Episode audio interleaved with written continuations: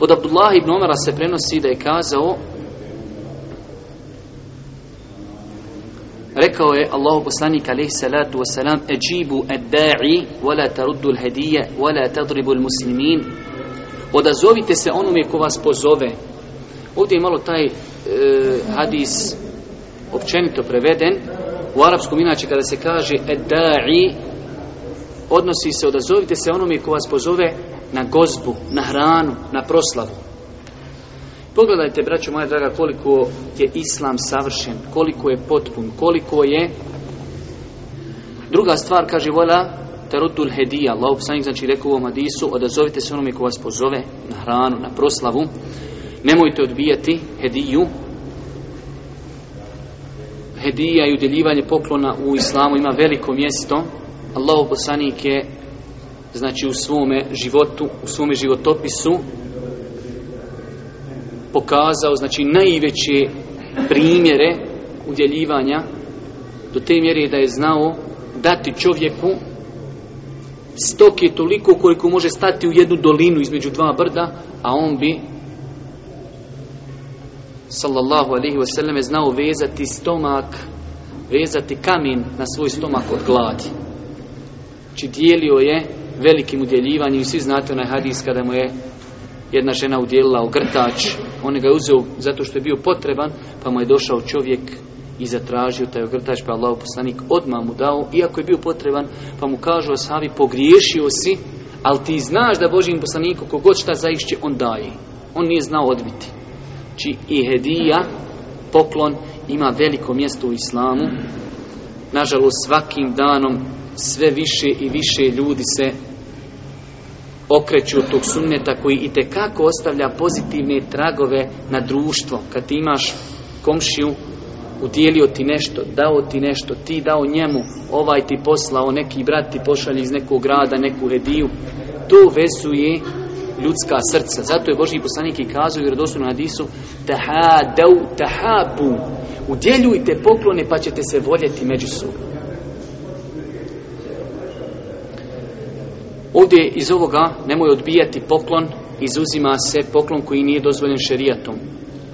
Ti radiš kao doktor ili bilo koju drugu funkciju obnašaš i čovjek kaže, ma evo nek imaš na kafu zato što si mu pripazio gore dijete u bolnici, to je znači otvorena onaj to je rišvet koji je zabranjen vjerom, mito i takav poklon se ne može uzimati. Znači, čovjek koji radi, ima svoj posao i plaćen je za taj posao, njemu više nije dozvoljeno uzimati nadoknadu za taj posao. Čovjek ako radi u nekoj državnoj instituciji ili bilo koju i za posao koji radi ne može uzimati više nadoknadu, ne može uzimati poklone. Zato znate kada je onaj ashab, dečak, nemoj nas umetati. Ili sjedi, ili budi pametan. Znači, Boži poslanik jedne prilike poslao jednog sahaba da sakuplja, sakuplja zekijat. Pa kada je došao, on je išao po selima, po gradovima, sakupljao zekijat, kada je došao, kaže Boži poslaniće, ovo je vama, a ovo su meni ljudi dali hediju i poklon. Kaže Allah poslanik, šta je ljudima? Mi ih pošaljemo da sakupljaju zekijat i onda kažu, ovo je vama zekijat, ovo su meni pokloni. Što, kaže, nije sjedio kod svoga babi u kući, pa bi vidio bil mu ta hedija došla. Tako i čovjek, kad radi u bolnici, pa mu neko dadne sto maraka u džep, kajma nije to ništa, to je Što nisi sjedio u kući, pa neko mi nako odnio sto maraka. Pustiti to. To je znači nagrada, hoćeš ti da on tebe malo dodatno pripazi. Normalno, ima tu i ona druga strana što se ljudi ne boje Boga, pa je spreman da te zakini. Žena porađa se, po pa ne zna, on tebe ne vidi. Ti kad umahniš sa 100 eura ispred očiju, on odmah naočale obuče, odmah vidi, odmah mu se razbrsti pred očima šta treba.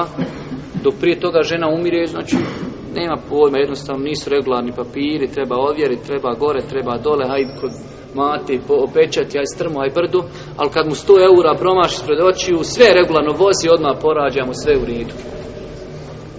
Čak su učenjaci rekli, u tim nekim iznimnim situacijama kad čovjek ne može ostvariti svoja prava osim putem mita da mu je dozvoljeno da da mito ali je haram onome što uzima nje njemu koji daje ali to samo kada moraš znači zaista u iznimnim situacijama kada ne možeš doći do svojih prava ko što imate slučaj u nekim državama ti svjestan da znaš voziti svjestan si da znaš voziti i bolje voziš od mnogih koji dobiju vozačku i on tebe obori deset puta.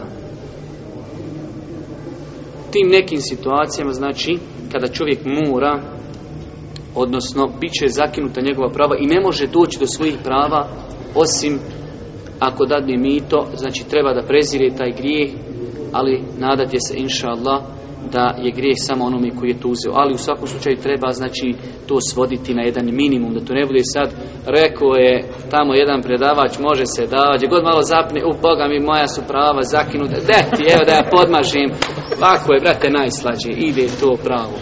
Ja to nisam rekao i ne želim da to neko shvati od A znači kad vidi da te neko pravi budalom, žena će ti preseliti, a on se pravi tokmak, neće da je uzme i porodit, znači u tim nekim situacijama kada je život u pitanju ili kada čovjek znači znaš da si kompetentni od mnogih koji su na kursu kandidirali, znači dali su svoje papire i ti si možda najkompetentniji u svega toga i primit nekog tamo smetljara zna zato što ti nisi podmazo u tim nekim situacijama učenjaci su dozvoljavali